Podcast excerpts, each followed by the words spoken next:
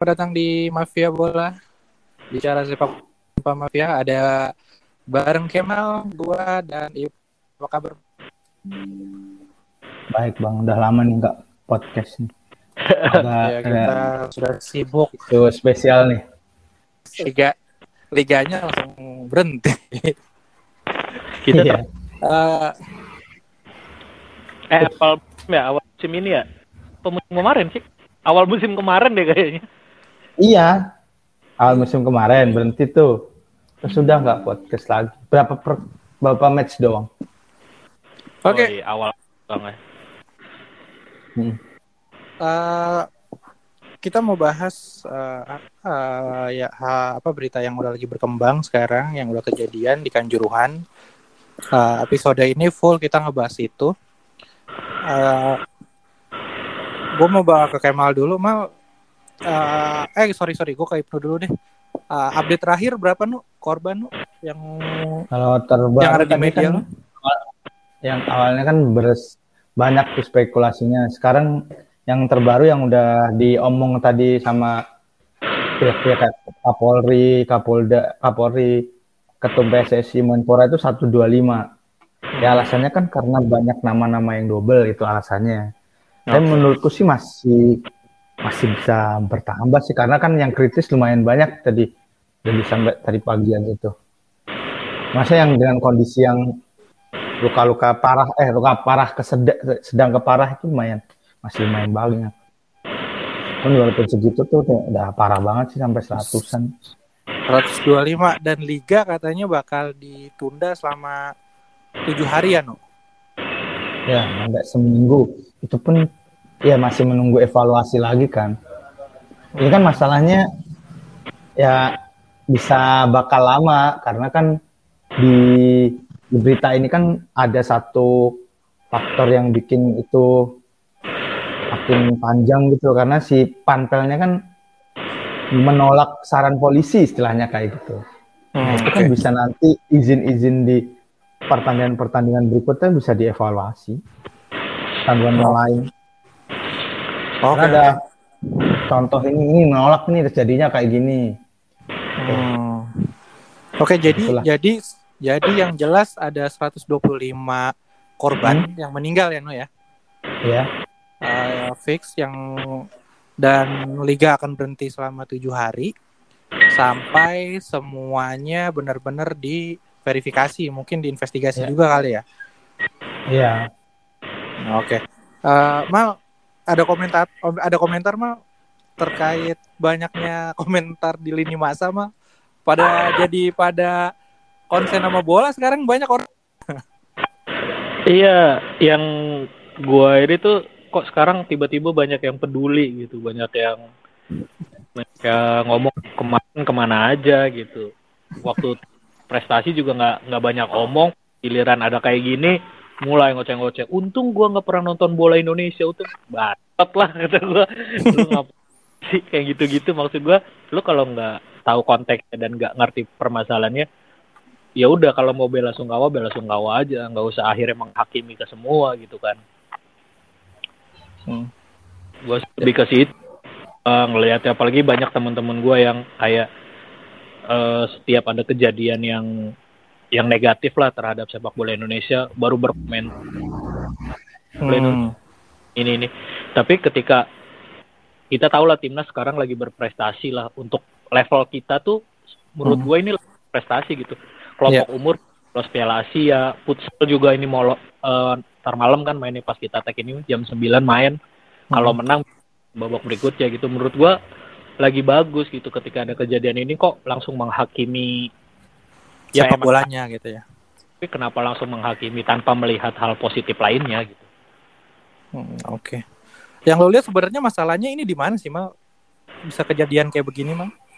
Ya masalahnya ya di federasi lah di mana lagi. Terus terus gimana? Kalau harapan lu gimana nih? Eh, siapa aja yang harusnya bertanggung jawab? Siapa aja dan perbaikan apa yang harusnya dilakuin ke depan? Lu ada ada yang mau lu sampein? Ya semua sih harus bertanggung jawab gitu termasuk supporter gitu. Karena kan ini saling berhubungan ya. Tapi yang Oke. gue sorot, yang gue soroti adalah sampai detik ini nggak ada permintaan maaf dari federasi, nggak ada permintaan permintaan maaf dari keamanan gitu. Cuma bela sungkawa ya kami akan menindak ini, tapi nggak ada kata maaf ini kelalaian kami. Sebenarnya kan itu yang dibutuhin teman-teman yang teman di Malang dan teman-teman di Indonesia gitu. Lu bertanggung jawab lah atas apa yang ini kan bukan kejadian yang langsung gitu. Ini kan sebenarnya dampak dari dari pengelolaan liga kita yang yang sebenarnya di musim ini tuh lebih itu dari musim Iya betul.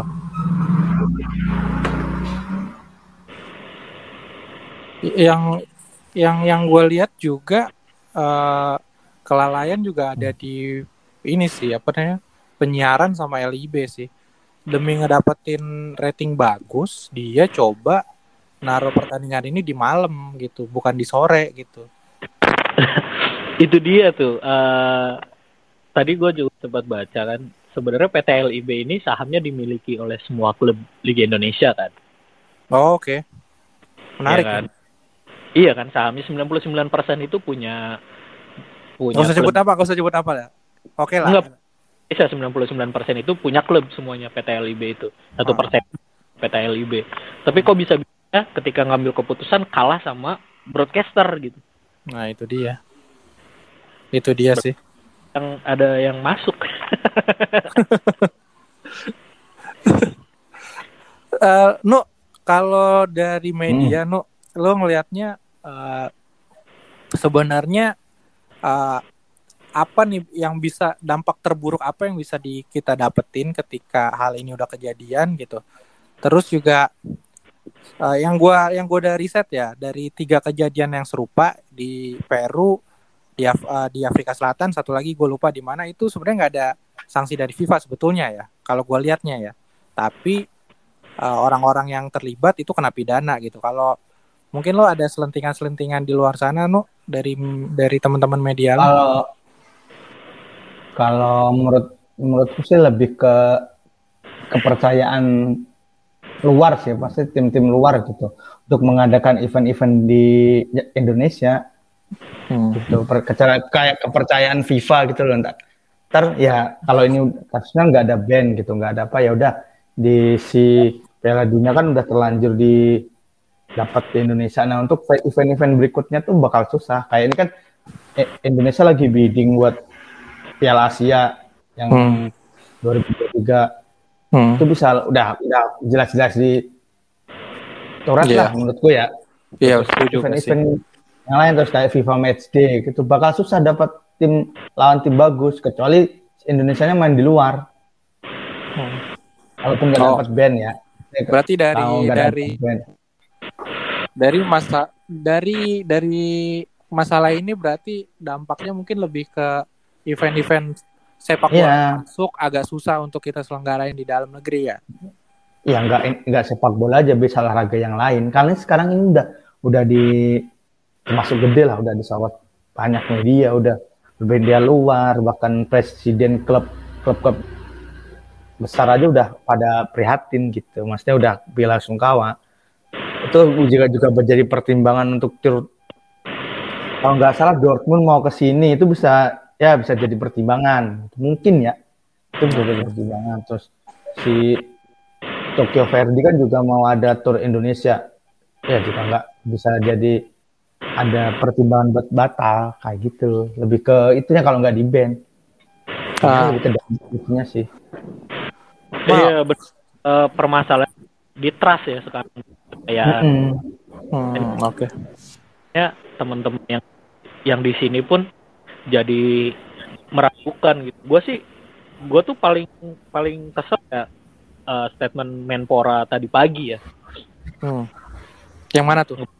yang ngebahas masalah semoga kita tidak di ban FIFA karena kita mau jadi Oh. Ya, ya. temennya nggak ketika itu. Kalau menurut gue justru harusnya berevaluasi gitu, mikir sekiranya nggak sanggup bilang aja kita mundur jadi tuan rumah Piala Dunia itu lebih gentle gitu daripada lu nyakitin perasaan korban tahu ketika ada korban banyak terus lu ngomong ya semoga kita nggak apa-apa ya kita masih bisa kita akan ngadain event gede nih maksud gua nggak nggak etis lah seorang menteri gitu ngomong kayak gitu di saat ini udah peringkat kedua loh di dunia tragedi kanjuruhan ini. Hmm. Iya betul. Sebenarnya yang mau gini, uh, kejadiannya udah udah terjadi, korban udah udah terdata, udah ada angka korbannya. Dari lo mal mungkin apa yang di, yang harus di siapa dan apa yang harus dievaluasi setelah kejadian ini mal sebetulnya mal. Kayak gitu kita urut kejadiannya dulu ya pas Iya. uh, pas pertandingan Arema Persebaya. Uh, ya sebenarnya ini tuh pu- puncak kekesalannya Aremania sih. Hmm. Betul betul. Bukan lawan Persebaya atau lawan apa pun, pasti akan ada aksi protes gitu kepada para pemain kalau Aremanya. Karena sekarang habis ganti pelatih terus ganti ternyata tidak ada perubahan ketika baru ganti kalah sama Persib di kandang Hmm. terus habis itu ke Kediri gue lupa ke Kediri itu seri ya Menang menang. Eh, menang satu kosong main di kandang lagi malah malah kalah lagi gitu main di kandang Hmm. Gitu. Jadi keresahan teman Aremania gitu sedangkan eh, kemarin waktu lawan Persib teman-teman Aremania ngundang Bobotoh datang ke sana secara secara kultur supporter kan berarti tidak ada apa-apa gitu kan maksudnya mereka tidak menyalahkan supporter lain atau tim lain, tapi mereka menyalahkan ke manajemen. Toh ketika pertandingan selesai, kalah, pemain Arema nyamperin. Maaf, terus ada beberapa supporter yang emang posisinya berdekatan dengan pemain, protes kan. Hmm. Protes dengan Ya yang pemain. ini yang baru ini. Iya, protes sampai ya dihadap. Protes. Al Farizi kalau nggak salah yang nyamperin. Iya, pemain dan dan eh, Iya. ada gue sih gue ngeliat potongan videonya ya. Jadi ada satu supporter yang nyamperin gitu itu sama eh, stewardnya itu mau dihalangin tapi dipeluk gitu sama Alfiji. Berarti kan secara ini tuh bisa diobrolin gitu, bukan bukan akan ada tindakan anarkis gitu. Ini tuh bisa bisa bisa lewat sisi ya sisi manusia aja gitu. Orang gimana sih orang kecewa terhadap klub kesayangannya terus mau ngungkapin nya gitu kan terus di sama timnya tapi gua nggak tahu kejadiannya kayak gimana lagi seterusnya tiba-tiba ya chaos itu ketika ada supporter dipukulin terus gas air mata. Itu sih yang gue sayangkan ketika gas air mata ditembakin ke tribun sedangkan orang yang di tribun nggak bersalah loh. Orang-orang yang nggak bersalah gitu orang-orang yang yang mereka ya di tribun ngapain lu tembakin gitu. Terus penggunaan gas itu juga kan sebenarnya dilarang kan oleh FIFA. Dan tiga tahun lalu tuh Kapolda itu sud- eh, udah ngeluarin statement gitu polisi ketika pertandingan Arema Persebaya itu tidak ada gas kenapa semalam malah kejadian gitu itu yang Ya. yang sayangkan gitu Eh, no, kalau lihat dari urutan ini yang yang sebetulnya yang gimana ya? Panpel sama sama polisi porsi itunya lebih gede mana sih, no? Sebetulnya, no? Lebih- apa porsi bertanggung jawabannya? nah ini ini yang kocak panpel. Eh, bentar ya gue potong ya. ini yang kocak. Hmm. negara lain tuh sebenarnya polisi itu cuma mengetahui izin keramaian gitu Oh, nggak ada tuh polisi ikut di Panpel. kan tuh nggak oke. Terus yang bagian pengamanan siapa mal? Kalau kayak gitu? Stri- stri- kalau ya dan ya kalau di liga-liga maju ya kalau menurut ya lalu putus-putus Bang. Sorry, Yuk. sorry, suaranya suaranya nggak jelas, no. Sorry, no.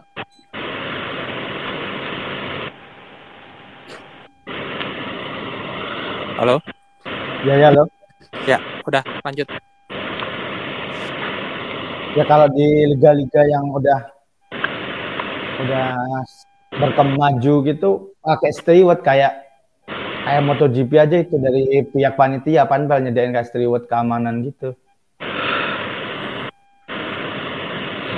Polisi berarti cuma di luar area stadion berarti ya? iya keamanan lingkungan ya, Hmm. Iya sih. Polisi ada di dalam stadion aja berarti udah ada yang salah ya sebetulnya ya. iya ya, di sebenarnya negara-negara nah, ya ada yang salah juga Hmm, betul betul. Wah iya sih. Ini Ada. Gimana, Mal? kan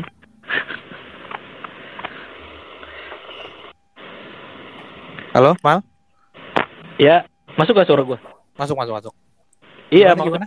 emang kita pernah lihat ada polsek Manchester ketika MU main di Old Trafford kan nggak pernah juga gitu Iya juga sih, iya betul. manan profesional gitu yang emang udah paham gimana ngendalin masa di stadion, gimana ngendalin supporter gitu kan. Selama ini kan ya kalau polisi kan pikirannya ya kalau ada masa banyak ricuh aja udah. Iya benar-benar. Dan dan di sana juga peraturannya rigid ya. Lu masuk ke lapangan, kelihatan kamera nama-nama lu udah nggak boleh masuk stadion lagi kan gitu ya? Iya, Oh, Sis- iya benar sih. sebenarnya kalau kita mau perbaikan ya sistem dibenerin sama orang-orang yang menjalankan sistem kita ganti semua. Ya di Hmm. sini LIB dan federasi kan. Iya betul juga sih. Eh dari kejadian ini pasti banyak harapan ya. Harapannya berubah, harapannya apa, harapannya gimana. Tapi yang konkret gimana nih? Eh, harap dari lu dulu deh nih. Dari dulu lu dulu deh Nu. Harapan yang konkret gimana nih? Lu maunya aparatnya gimana, panpelnya gimana, PSSI-nya gimana? Dari lu dulu. Kalau menurut gua kan soal pengamanan gitu ya, memang ada beberapa negara yang masih pakai polisi kayak di Amerika Latin itu masih beberapa yang pakai polisi. Cuman kan Hmm. yang di sini tuh istilahnya tuh polisinya tuh terlalu apa ya? Terlalu Represif. terlalu represif, iya. kayak kejadian itu ya harusnya kan udah dia kalau misalnya polisinya tuh udah cerdas gitu kan itu semua port- supporter dari Arema ya. Mm-mm. Jadi itu dia nggak bakal berantem satu sama lain gitu loh. Betul. Udah diarahin aja gitu. Kalau memang mau kasih protes kan mereka juga udah tahu nih Kak, di Arema sama Persebaya kan rival. Betul. Kalah kalah jelas bakal protes kan. Ya udah diarahin aja kalau memang mau keluar mau ke tengah yuk diarahin ke tengah kayak di Frankfurt.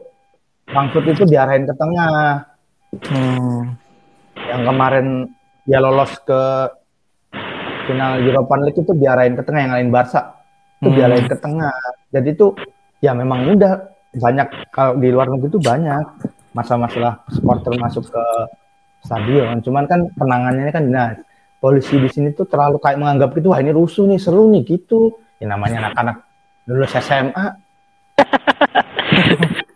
Ya bukan mungkin di di polisi-polisi itu juga banyak supporter kan dulu ya waktu masih pada sekolah.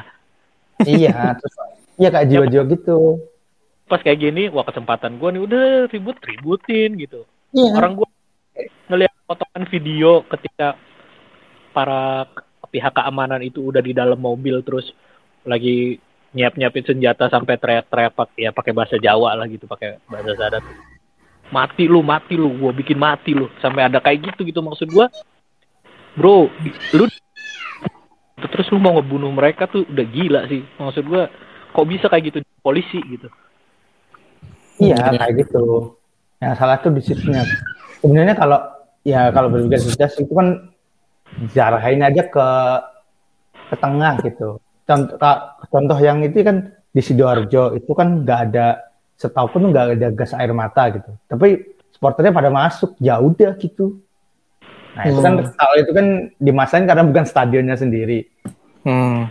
Nah kalau ini kan stadion sendiri gitu, ya udah mau dibakar kan urusan si Aremanya sendiri sama supporternya gitu. Dan nggak Iya, bakal ada korban jiwa. Dibukain aja aksesnya.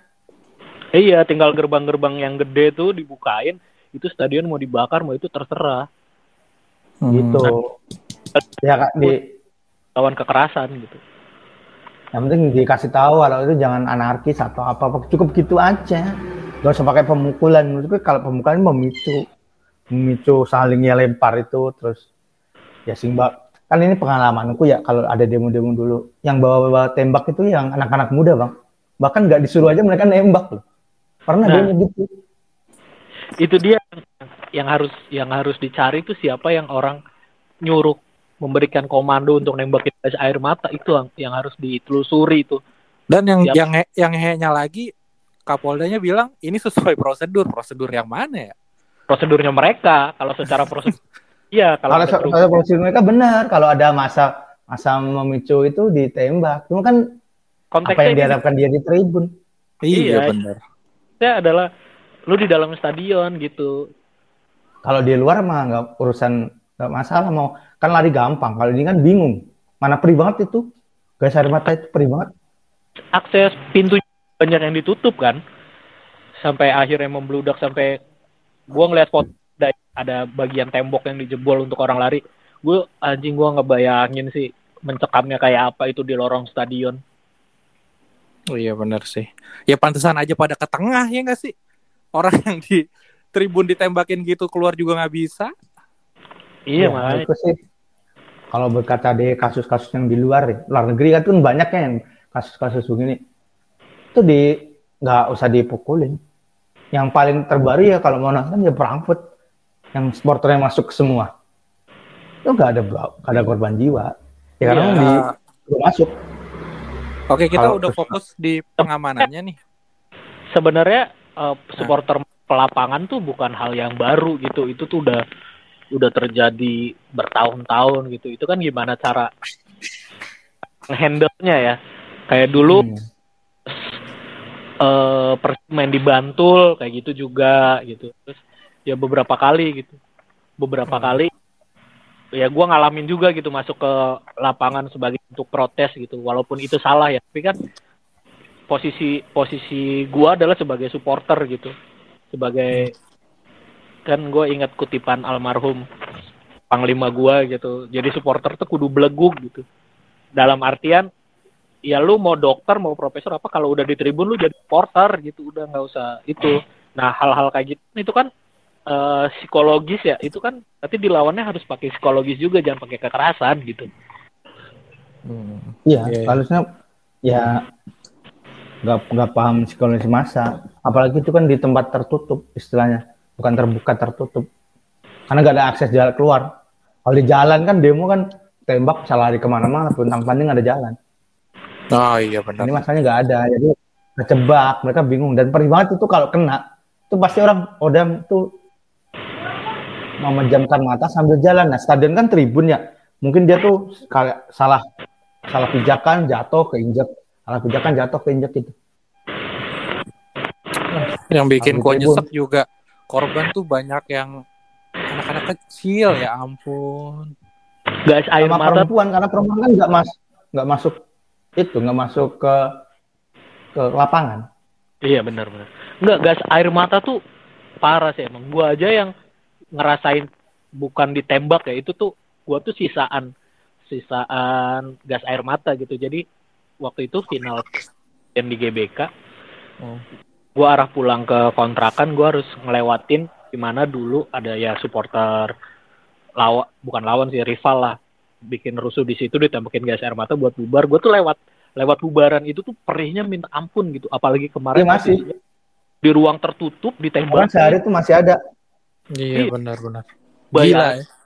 itu lebih lebih perihnya bawang Kalau merah tadi orang Tanjuran itu masih kerasa iya parah gas air mata tuh itu sih Iya. gue menyebut Pembunuh. lihat ngendalin masa Oh iya, pem- pembunuhan ya bukan pengendalian massa ya.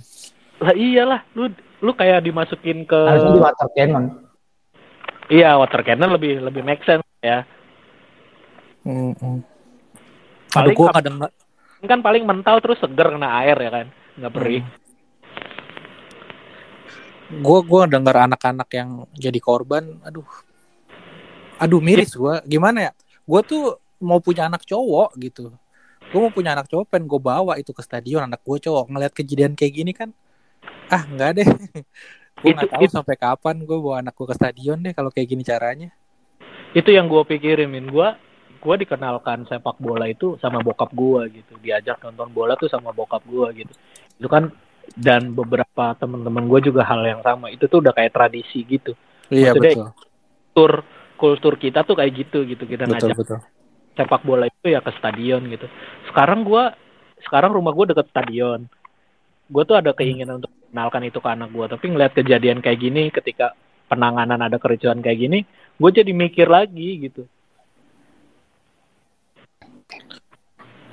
Ya dengar berita kayak gini jadi mupus gimana ya? Mupus uh, harapan gue jujur aja sama mungkin nama gitu gue tuh dulu nggak gue jadi pemain bola gagal terus giran gue punya anak cowok pengen gue arahin ke sana pun ngeliat yang kayak gini gue ragu-ragu juga gitu Iya balik lagi akhirnya sekarang yang jadi problem adalah kepercayaan kan. Iya, kepercayaan orang. Ini bisa jadi makin ya kalau ya makin sepi lah nggak kayak dulu timnas. Timnas main mungkin makan akan banyak orang mas nonton juga. Iya lo kemarin beberapa ngelihat timnas main tuh orang tua. Mal? Halo Mal. Ya. Masuk gak suara gue? Nah sekarang masuk. Ayo. Kenapa ya, Mal? Masuk. Ya. Ngeliat, ya. ngeliat timnas gimana? Kemarin tuh beberapa beberapa kali ngeliat timnas di tribun tuh ada orang tua bawa anaknya, bawa istrinya gitu. Itu tuh uh, stadion tuh ya jadi alternatif hiburan gitu harusnya sepak bola tuh jadi hiburan bukan malah menakutkan gitu tapi setelah kejadian ini ya ya itu yang gue bilang gue jadi ragu gitu itu kan sebenarnya ya kita piknik gitu kan kalau orang yang suka bola eh piknik kita ke hmm. stadion anak ajak istri gitu nonton bola senang gitu di stadion ketawa-ketawa hmm. akan sulit lagi gitu ketika kejadian ini. Mal, uh, lanjutin yang tadi mal dari lu siapa ini keamanan udah pasti tanggung jawab. Setelah keamanan siapa lagi mal yang harus ambil peran bertanggung jawab atas kejadian ini, Mang? Habis keamanan ya Panpel. Panpel. Oke. Okay. Ya. Dari ini berarti LIB LIB lah ya. Iya, partai lokal dan PT LIB sebagai uh, penyelenggara liga kan. Hmm. Terus yang terakhir ya ketua PSSI lah Iya sih. Giliran menang aja, dia preskon. Giliran ada begini nggak preskon preskon ya sampai jam segini nih. Tadi yang preskon udah, malah tadi udah. Sekjennya oh, kan Yunus Nusi. Ya. Iya, malah malah bukan di. Kalau yang di kantor. Dia ikut yang ke Malang tadi ada. Tapi ya begitulah ngulang ngomongan sekjen. Kalau dari lo tuh siapa lagi no yang tanggung jawab no? selain dua orang dua kalau, dua, dua instansi itu no? harusnya memang ada evaluasi gitu mulai dari penjadwalan kalau menurutku ya penjadwalan liga gitu. itu nggak nggak usah ada liga yang main jam 8 setuju setuju jadi jadi liga itu mulai dari jam 2 oh dua siang jam 2 siang ya Match pertama Buset. itu jam 2 siang kan ntar jam jam 4. Hmm. Gitu. Terus ntar di match kedua ya jam ah, dan jam setengah empat itu sampai jam setengah enam udah selesai. Iya itu, kalau itu sih jadi ya nah, yang terakhir ya jam tujuh jam delapan jam enam iya jam jam setengah tujuh lah setengah tujuh tuh udah ya, kick off kayak gitu Ya karena kan berbalik lagi ke broadcast lagi kan. Kalau diambil jam main jam 2 nggak ada yang nonton. Hmm. Mereka rugi. Harus juga dipikirin. Harus, kan kalau di liga. Ya, ya Indonesia makanya itu bang. Kalau di luar negeri kan mainnya jam 2. Gimana mal? Gimana mal? Iya Indonesia kan luas. Pikirin juga dong teman di Indonesia Timur gitu. Kayak kemarin Bali. Bali kemarin tuh main kelar jam 12 aja. Gila waktu, kali. Waktu iya. setempat ya. Iya kan ngikutinnya waktu WIB kan jam 20.30 iya. di sana. Berarti jam 21.30 dong, setengah 10. Hmm. Lu jam 2 baru jam 12 malam keluar stadion nyampe rumah jam berapa gitu. Belum sendiri negara kita kan sangat aman. Iya. Ketika si aman. Iya. Dan harusnya kan mikirin gitu gitu daripada mikirin hak siar. Hmm. Hmm, gitu itu itu itu sih maksud karena karena karena karena kita tuh masih ke, disetir sama broadcast menurutku ya semua pertandinganku kesetir lihat aja jadwal itu nggak ada pertandingan bagus di jam setengah jam 4 masih jam sore nggak ada semuanya pada malam Dan harusnya PT LIB, PT LIB, Panpel, keamanan harus kayak hari ini kan harusnya Persib main lawan Persija kan. Di jadwal itu di jadwal itu 20.30 kick off ya. Ngikutin broadcast. Iya benar. Eh, Tapi- rekomendasi keluar dari Kapolda itu harus jam setengah empat. Nah, mereka udah tegas tuh kalau ke, ke di 20.30 Kapolda nggak bakal ngeluarin rekomendasi. Nah, harusnya tuh kayak gitu gitu. Nah, iya benar. Setuju gua. Harusnya kayak gitu sih. ya Kenapa harus beda-beda? kayak ya? yang paling iya karena penonton re itu bang share bang Iya, itu jam Kayak- jam persebaya itu jam-jam orang di rumah jadi nonton kalau sore nggak ada di rumah ya, ya gitu makanya kemarin persebaya supporter kan sempat protes itu kalau nggak diprotes dia tuh persebaya tuh kalau nggak sampai pekan ke 15 tuh jam 8 semua mainnya sama kayak di Bandung. Di Bandung kan akhirnya kemarin sore kan, sore terus kan. Hmm.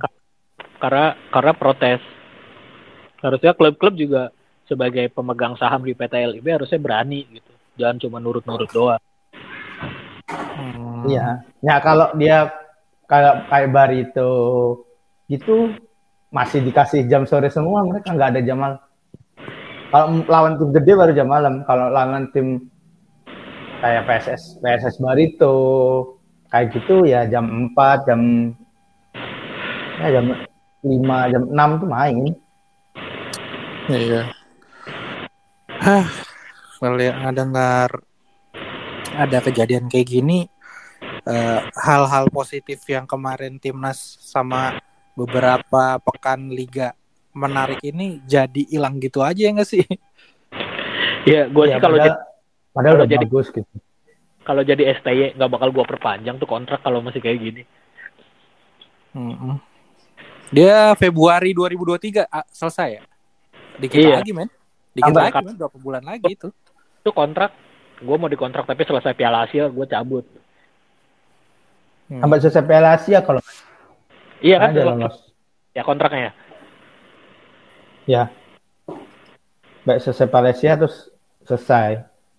Jadi kalaupun nggak dicab nggak diperpanjang ya tahun ini AFF terakhir.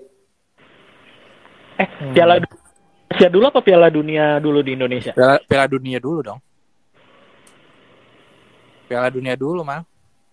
Iya, kalau gue jadi STY sih udah gue kelar. Maksudnya ya sia-sia gitu, gue udah ngorbanin banyak hal gitu. Kalau gue jadi STY ya, kalau gue di posisi STY, gue ngelatih.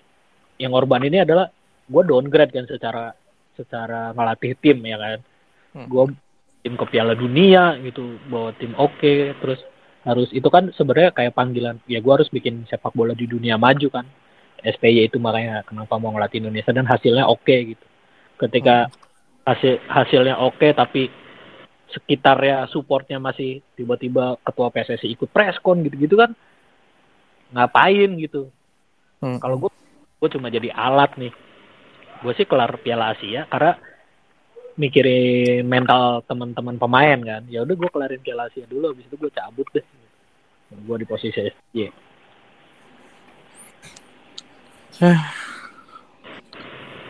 Masih ada harapan gak nih sama sepak bola Indonesia? Kalau kayak gini.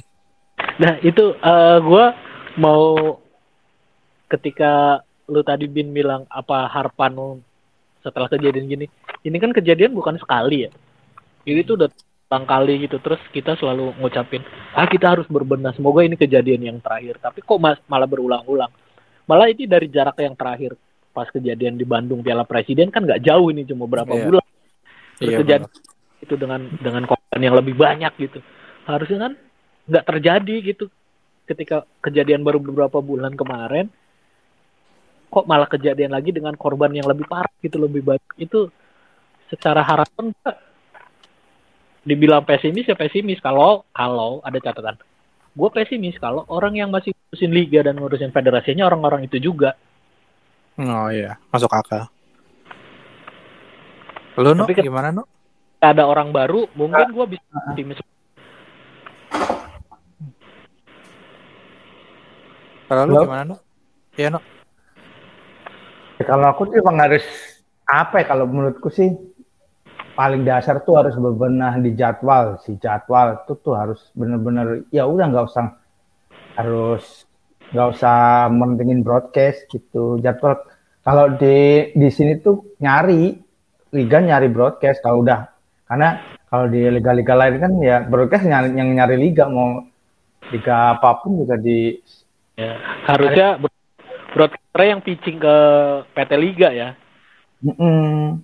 yang ikut gitu kayak di. Liga Liga Inggris kan sebenarnya malah ngikutin pasar Asia kan. Iya, Jadi- Pak. Tuh. Bang ya. Main jam 9 pagi, men. Enggak kalau ya secara schedule sebenarnya bagus lah kita udah tidak bentrok lagi dengan FIFA Matchday, udah nggak bentrok dengan agenda timnas gitu. Tapi emang emang di broadcast ini yang ketika jam jamnya ya berarti yang harus yang harus digaris bawahi adalah berarti jam mainnya. Ketika schedule sih ya sekarang menurut gua udah lebih manusiawi lah main seminggu sekali ya kan. Nggak ada tuh Hmm. jadwal di situ main lagi dua hari istirahat main lagi kan kemarin-kemarin kan kita mengalami liga yang kayak gitu gitu liga yang amburadul secara scheduling sekarang secara, secara scheduling udah oke nih tiap tiap akhir pekan main ya kan Hmm. paling weekdaysnya ya paling Kamis gitu yaitu masih Hmm. liga lain juga gitu cuma kan ini masalah jam penayangan nih ketika Hmm. terlalu kok mereka nggak Malam.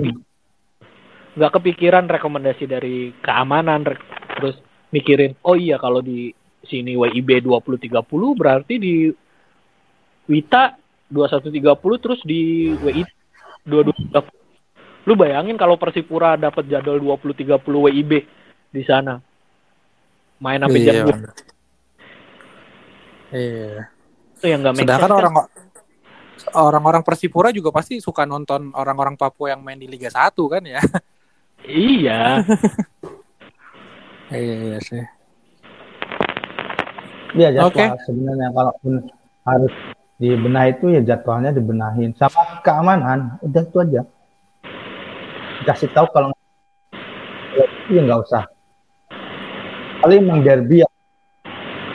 sama lawan Ya, kan selama itu misalnya Iya, iya, iya. yang main Persija Pe- Iya, iya. Persija Persib gitu kan pasti nggak boleh satu satunya datang. Itu kan da- dari dulu harusnya kan udah. Nah tadi itu alasannya juga begitu. Kenapa kalau dari statementnya si Sekjen ya, kenapa itu dipaksa di malam? Karena si tim rivalnya nggak datang dan dan mereka nggak mikirin juga si Arema kan lagi jelek tuh. Hmm. Persija Persib juga tim protes. rival juga nggak datang. Iya, alasannya tadi gitu. Make- banget. ya gitu karena terus maka mereka mikir wah ini nggak bakal rusuh nih bisa di di antisipasi. Mereka ya lupa kalau Arema kan lagi jelek. Terus kalau semisal kalah gitu. Iya. Itu sebenarnya Haji ya, itu nggak mikir. Ya udah broadcast udah ini sebenarnya ke broadcastnya. Kepentingan kepentingan itu harusnya dibuang deh kepentingan-kepentingan gak penting ini.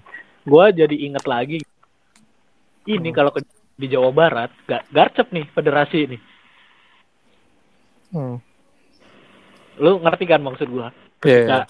Ketika ini kejadian di Jawa Barat akan garcep gitu karena ya ada kepentingan itu gitu. Mereka nggak mikirin, nggak mikirin yang lain gitu.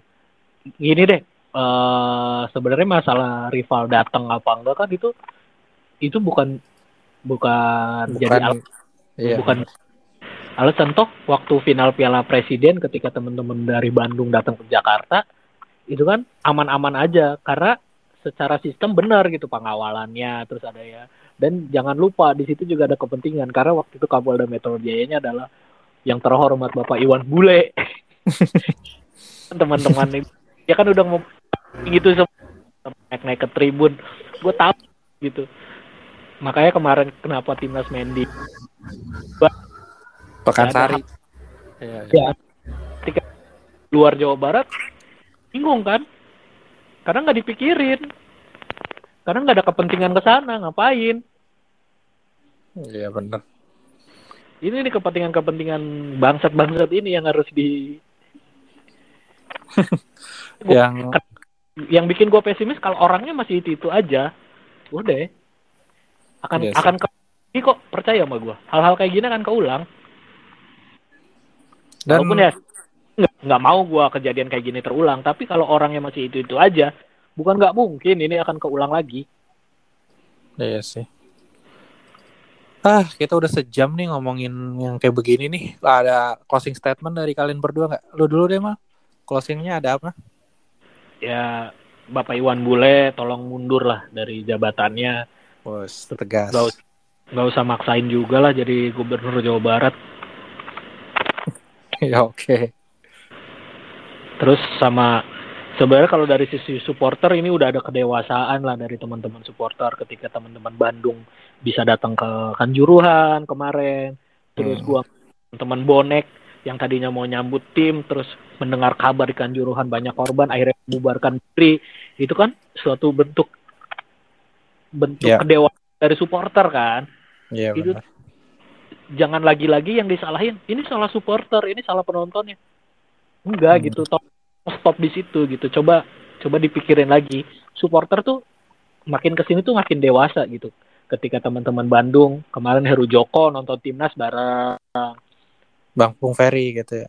Eri ya kan? Itu kan ada Hmm. satu pasaan dari hitungannya supporter-supporter besar lah. Terus gua tadi baru baca statementnya Andi Peci akan ikut mengawal kasus ini ketika teman-teman Aremania butuh bantuan siap membantu. Itu kan itu rival yang menurut gue udah dewasa gitu menyikapi hal kayak gini. Ini kan yang nggak dewasa adalah bapak-bapak yang di atas ini yang Hmm. ketika pada detik ini gua belum mendengar permintaan maaf kepada Iya. korban. Permintaan maaf kepada seluruh rakyat Indonesia atas kejadian ini tuh itu yang gue sayangkan. Makanya kenapa gue minta udah turun pak. Udah nggak usah jadi ketua PSSI nggak usah nyalonin diri jadi gubernur kalau bapak masih belum tahu salahnya bapak di mana Iya, iya, betul.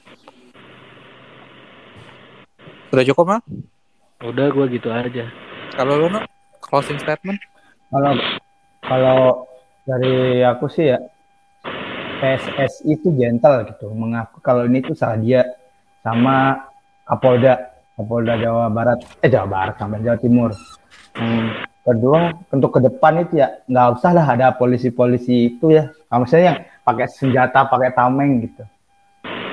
Soalnya memang tensinya kayak ada ada tim ini ya, tim tim lawan ada supporter dua gitu. Masih ada dua-duanya ada kalau memang cuman satu basis kayak Arema doang, bonek doang ya udah gitu. Pakai pendekatan yang lebih itu aja. Mereka- nggak bakal tawuran gitu. Ya sama kedua jadwal, ketiga jadwal. Kalau bisa kick off tuh jam 2 deh. Jam Ya, 2, jam 2, 4 tambah sama jam 6 udah, gak usah malam-malam. Gua- ya. tambahan deh tambahan deh Apa yang tuh? harus tadi ya yang masalah yang harus disalahkan Hmm. yang harus jawab ya salah satunya pihak broadcaster lah itu yang harus tanggung jawab karena panpel udah ngajuin surat terus ditolak kan Hmm. Dan di Iya. surat itu tulis hasil diskusi PSSI, PT LIB dan host broadcast berarti ya orang-orang di situ yang tanggung jawab atas kejadian semalam Oke, oke. Ya. Menurutku ya, ya itu jadwal, jadi udah nggak ngikutin broadcast lagi gitu. Oke. Mau di- Ini siapa yang ngambil? Oke, oke. Oke. Uh, thank you teman-teman Dan udah meluangkan unek-unek. satu Semoga lagi itu bang, apa tuh? itu Pak Kapoldanya harus bilang ini kesalahan saya gitu. Nah, Dah, iya. dah. Bukan lagi sesuai prosedur ya ngomongnya ya. Ya, kita tuh udah Cuma- salah dia. Ah. cuma minta ngomong iya ini kesalahan kami kamu meminta maaf itu itu Iya. aja dulu Iya itu. Karena itu Oh, udah jelas kan di aturan-aturan itu nggak udah nggak udah nggak boleh pakai gas air. Iya. Iya, iya. Itu pakai A masih ada. Itu berarti berarti memang salah dia gitu. Kalau Eh, kalau Eh, tapi ada yang lucu sih tadi setelah eh preskon di Malang ya tadi ya. Iya. ya Dewan- Nah, Menpora. Menpora juga datang. Eh, membentuk tim investigasi diketuai oleh orang yang harusnya bertanggung jawab. Itu lucu sih. Menjadi Oh, iya. investigasi yang harusnya orang itu yang diinvestigasi gitu. Kok malah dia jadi ketuanya? Iya benar. Aneh. Itu- Ya, begitulah. Harusnya tuh kalau dari segi pengamannya ya dia salah sepros juga nggak pakai harusnya nggak pakai nggak usah pakai gas air mata gitu. Itu doang sih. Sebenarnya yang bikin bikin chaos tuh gas air mata kalau menurutku ya. Iya iya iya bener bener. Karena aku pernah ngerasain gak pedihnya gas air mata itu. Iya gue Itu juga. pun kalau- karena itu udah parah banget tuh kalau kena apalagi itu aja di jalan raya gitu. Di jalan raya tuh masih aku tuh pernah sampai mau jatuh. Apalagi itu di, di tribun gitu yang kayak tingkatan-tingkatan. Itu yang meninggal pasti dia kena gas air mata pedih. Terus dia mau melangkah salah pijakan. Jatuhlah keinjek yang lain. Dan yang juga nggak bisa ngelihat itu kalau di bawahnya ada orang karena pasti gelap. Iya benar. sebenarnya tuh yang salah itu itu terus air mata Iya.